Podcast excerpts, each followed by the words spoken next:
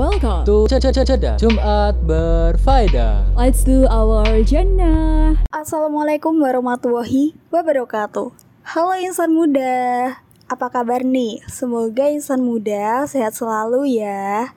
Nah insan muda, jumpa lagi bareng Izun buat nemenin hari Jumat insan muda biar lebih berfaedah. Di mana lagi kalau bukan di Jeddah Jumat berfaedah.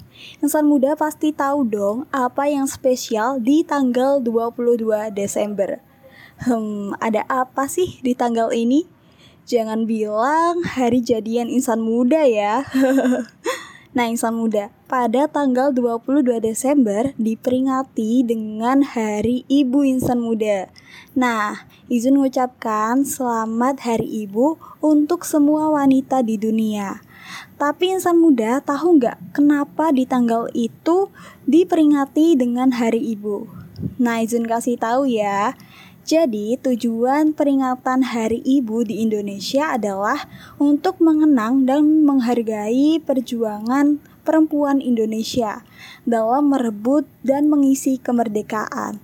Selain itu, Hari Ibu juga sebagai kesempatan untuk meningkatkan masyarakat agar kualitas hidup dan hak perempuan bisa setara dengan laki-laki. Wow, keren banget ya insan muda. Nah, di jedah kali ini Izun akan ngebahas tentang keutamaan doa ibu. Tapi setelah yang satu ini ya insan muda, jadi stay tune.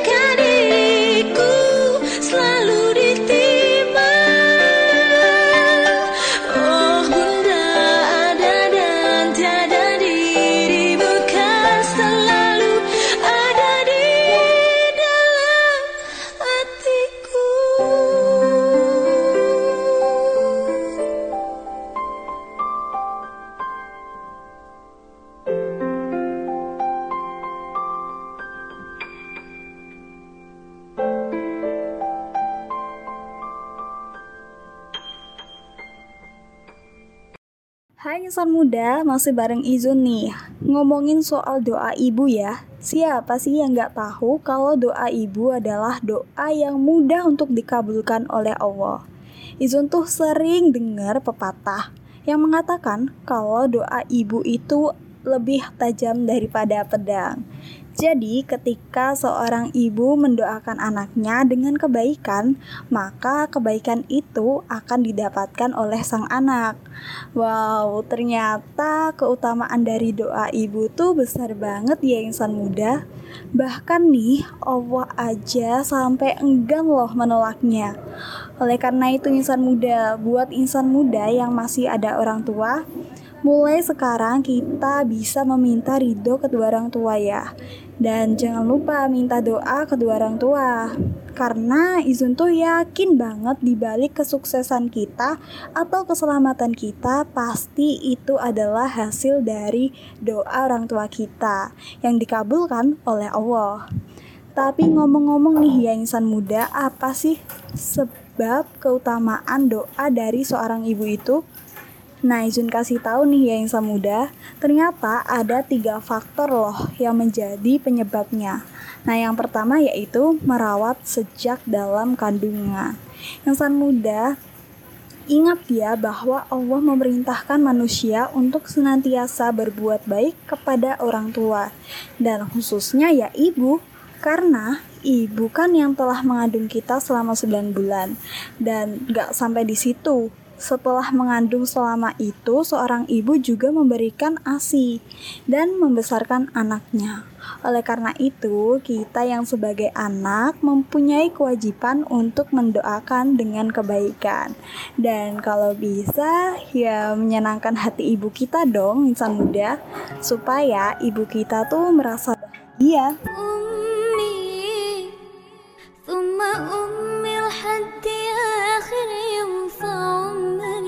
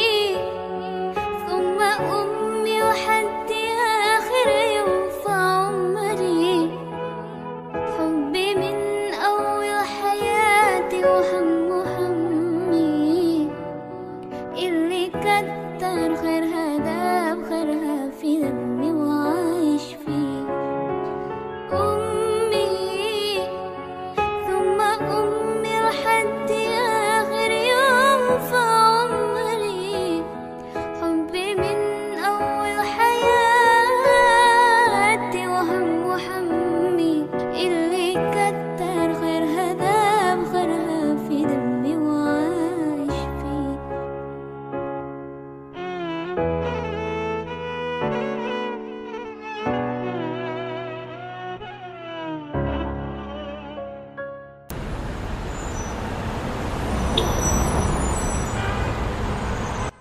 Balinda, lama gak ketemu ya kita? Hai, iya nih, selama pandemi kan kita daring terus ya. Jadi kangen deh kegiatan offline lagi. Iya sama. Eh tapi kok kamu gak pakai masker sih? Ini kan tempat umum. Iya, nggak apa-apa, kan cuma deket rumah. Lagian, kasus COVID-19 juga udah redah kan? Iya, tapi kan kita belum ada anjuran dari pemerintah buat lepas masker. Jadi tetap pakai masker buat antisipasi diri sendiri sama orang lain juga biar sama-sama aman. Oh, oke deh kalau gitu. Aku sekalian habis ini mau beli masker buat dipakai. Makasih ya udah diingetin. Insan muda, meskipun tingkat penyebaran COVID-19 telah menurun, kita harus tetap menjaga protokol kesehatan yang ada selama belum ada anjuran resmi dari pemerintah untuk menghentikannya. Jadi, mari sama-sama kita perangi COVID-19 demi keselamatan bersama. Iklan layanan masyarakat ini dipersembahkan oleh Sufada Radio.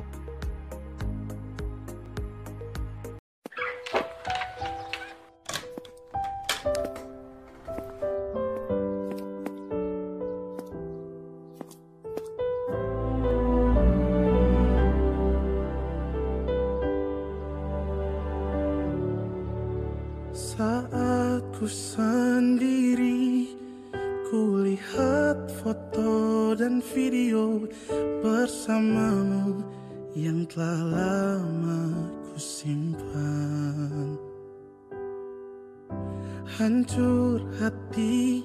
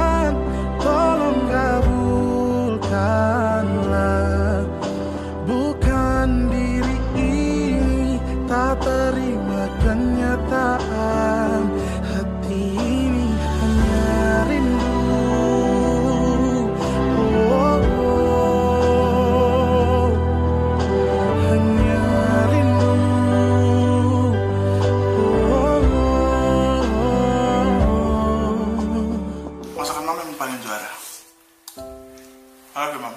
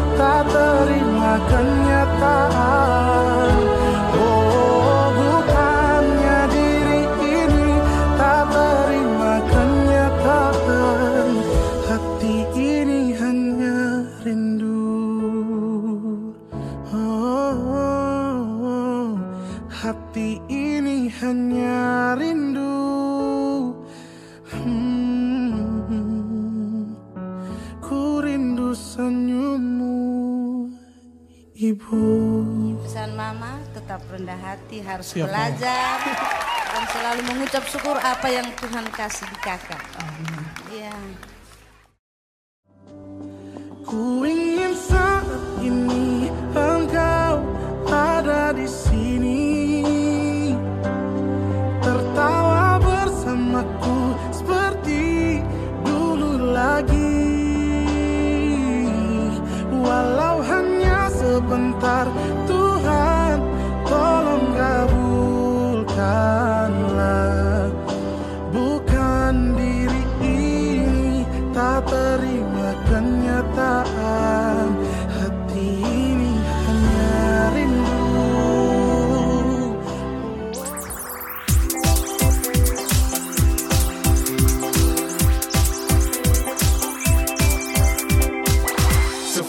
FM for Young Muslim Generation. Izin lanjut nih ya, yang kedua, yaitu telah melahirkan anaknya. Seperti yang sudah izin bahas di segmen sebelumnya ya insan muda, kalau tugas ibu itu bukan cuma hamil 9 bulan. Setelah melahirkan pun ibu tetap harus merawat anaknya, memberikan ASI sampai berumur 2 tahun. Setelah itu, ibu juga mengajarkan bicara dan berjalan kepada anak-anaknya. Oleh karena itu, insan muda, ibu sering dijuluki sebagai pendidik paling utama bagi anaknya. Dan setelah itu, ibu juga harus mengajarkan agama kepada anak-anaknya. Hmm, jadi seorang ibu itu ternyata nggak ada istirahatnya ya insan muda. Oleh karena itu, doa seorang ibu memiliki keistimewaan yang memberikan kita keselamatan di dunia dan akhirat. Berharga banget ya insan muda doa ibu itu dan pasti uang pun gak akan bisa buat membelinya. Dan yang terakhir adalah disebut tiga kali oleh Rasulullah. Insan muda, izin mau cerita sedikit nih. Dan ini cerita dari Abu Hurairah. Dia berkata, ada seorang laki-laki datang kepada Rasulullah dan bertanya, "Wahai Rasulullah, siapakah orang yang paling berhak aku perlakukan dengan baik?" Rasulullah pun menjawab, "Ibumu." Lalu siapa lagi Rasulullah? Ibumu. Siapa lagi Rasulullah? Ibumu. Kemudian siapa lagi Rasulullah? Ayahmu. Di sana Rasulullah menyebut ibu sebanyak tiga kali, baru ayah. Kenapa ya nama ibu disebut sebanyak tiga kali insan muda? Itu karena ibu telah melewati tiga kesulitan dalam hidup. Kesulitan yang pertama adalah ketika mengandung. Kemudian kesulitan yang kedua yaitu melahirkan. Dan kesulitan yang ketiga adalah menyusui. Tapi insan muda jangan salah ya, walaupun ayah hanya disebut satu kali, ya peran ayah tuh tetap sama kayak ibu. Ya sama-sama penting dalam mendidik karakter anak.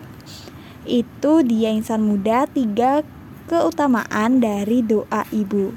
Jadi, kalau kita ingin mendapatkan doa ibu, kita harus berbakti kepada orang tua. Benar kan insan muda?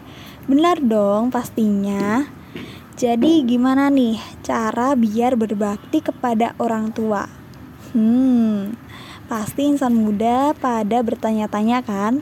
Nah, insan muda tenang aja karena bakal izin share berbakti kepada orang tua tuh caranya kayak gimana sih? Tapi setelah yang ini ya.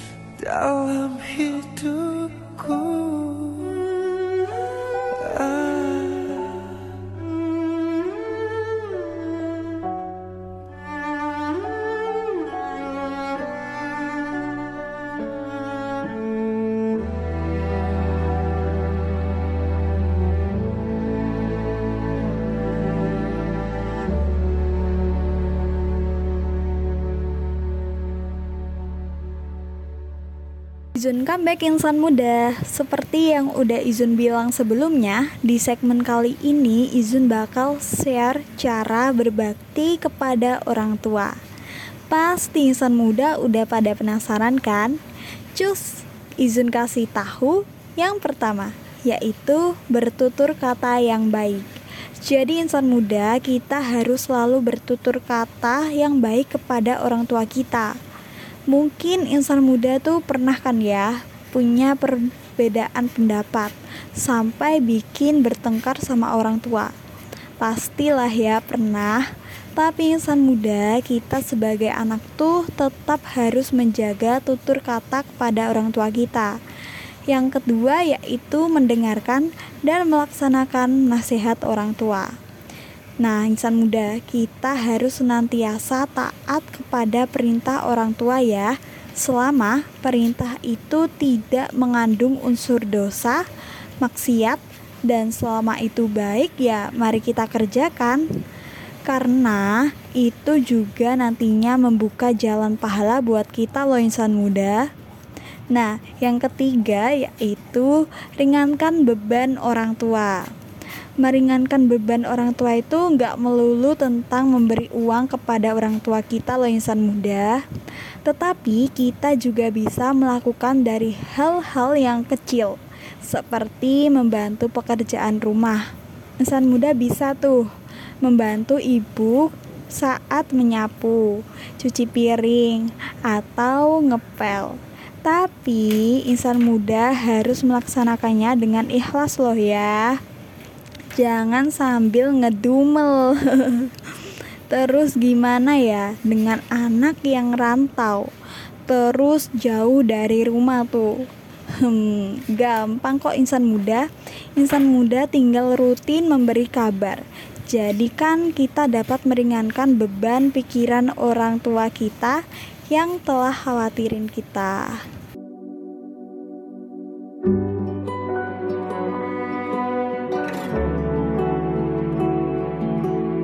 Bye.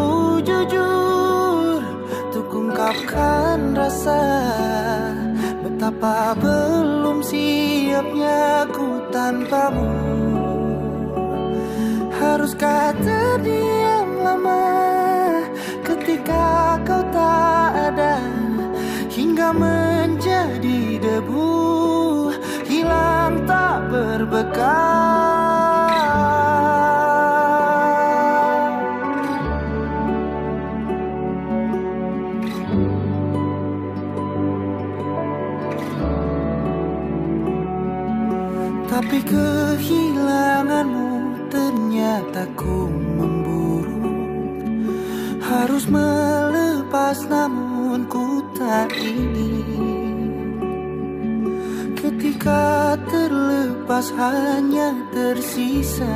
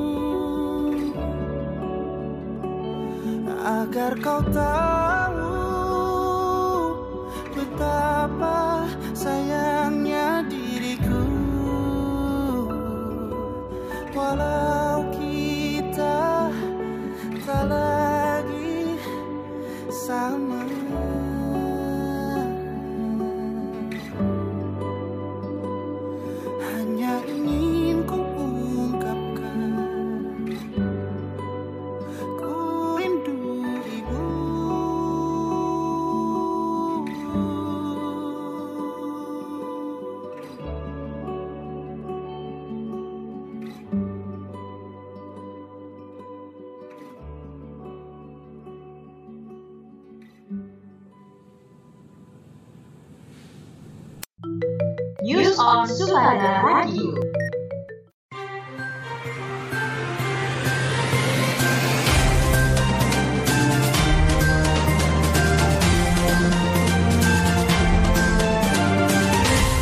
Dilansir dari liputan6.com, CEO Subregional 3 Jawa Timur Oni Jayus mengungkapkan, arus penumpang di Pelabuhan Tanjung Perak Surabaya diprediksi naik jelang libur Natal dan Tahun Baru. Oni menuturkan, meskipun kenaikan diprediksi tidak signifikan, namun PT Pelabuhan Indonesia atau Persero selaku operator pelabuhan sudah menyiapkan sejumlah antisipasi agar arus penumpang yang datang dan pergi terlayani dengan baik. Menurutnya, dari data yang ada saat ini sedikitnya terdapat 1.500 penumpang yang melakukan embarkasi dan debarkasi di Terminal Penumpang Gapura Surya Nusantara atau GSN, jumlah ini diprediksi akan naik sekitar 1,2 persen dari biasanya. Penumpang tujuan Indonesia Timur seperti Kupang dan Maumere selalu mendominasi peningkatan arus jelang momen Natal dan Tahun Baru seperti ini. Oni menambahkan, jika berkaca dari tren tahun-tahun sebelumnya, diprediksi arus penumpang kali ini mengalami kenaikan meskipun tidak signifikan. Hal tersebut seiring dengan pelonggaran perjalanan jauh oleh pemerintah pada momen Nataru kali ini.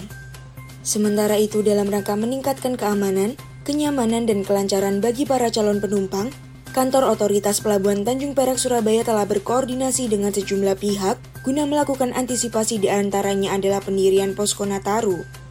Selain itu, dalam rangka memutus penyebaran COVID-19, beberapa persiapan lainnya juga dilakukan, misalnya penerapan protokol kesehatan dan kesehatan para penumpang sesuai aturan yang ditetapkan pemerintah.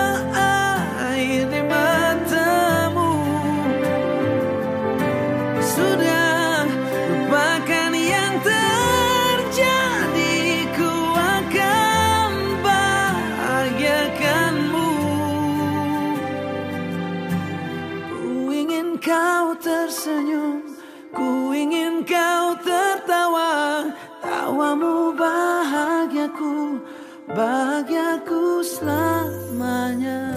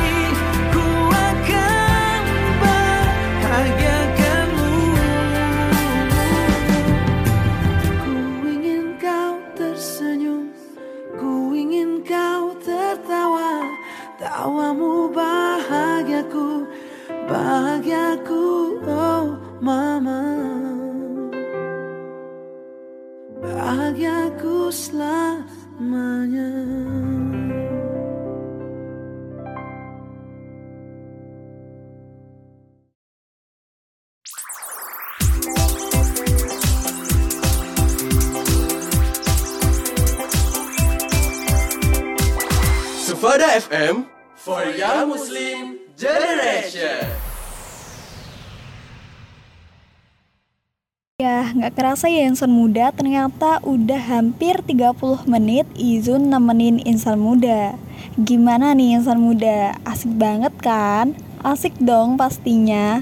Gimana gak asik coba? Kita udah bahas keutamaan doa ibu sampai tips cara biar berbakti kepada orang tua. Semoga pembahasan hari ini dapat membantu insan muda ya. Dan jangan lupa ya insan muda buat diamalkan. Dan semoga berbakti kepada orang tua dapat menjadi ladang pahala buat kita. Amin. Dan tibalah saatnya buat izun untuk undur diri. Tapi insan muda jangan khawatir karena di Jumat depan di jam yang sama Jedah akan kembali hadir pastinya buat nemenin hari Jumat insan muda. Biar lebih apa? Lebih berfaedah. Dari jam 2 siang. Terima kasih untuk kebersamaannya hari ini dan jangan lupa untuk selalu jadi yang terbaik versi diri insan muda ya. Selamat beraktivitas. Wassalamualaikum warahmatullahi wabarakatuh.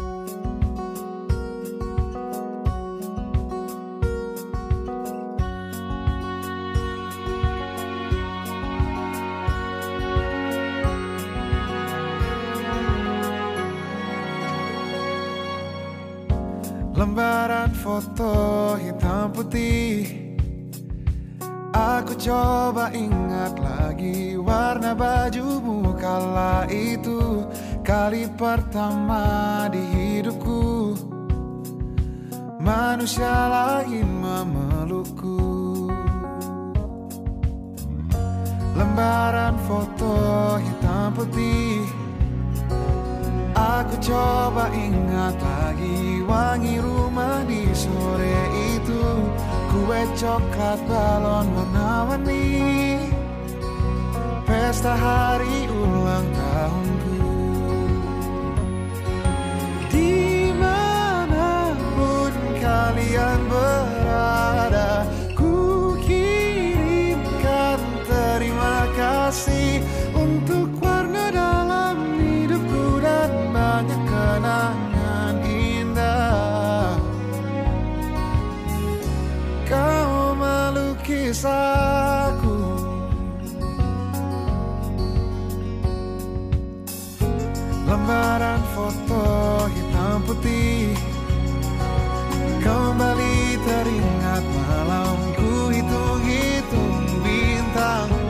Saat mataku sulit tidur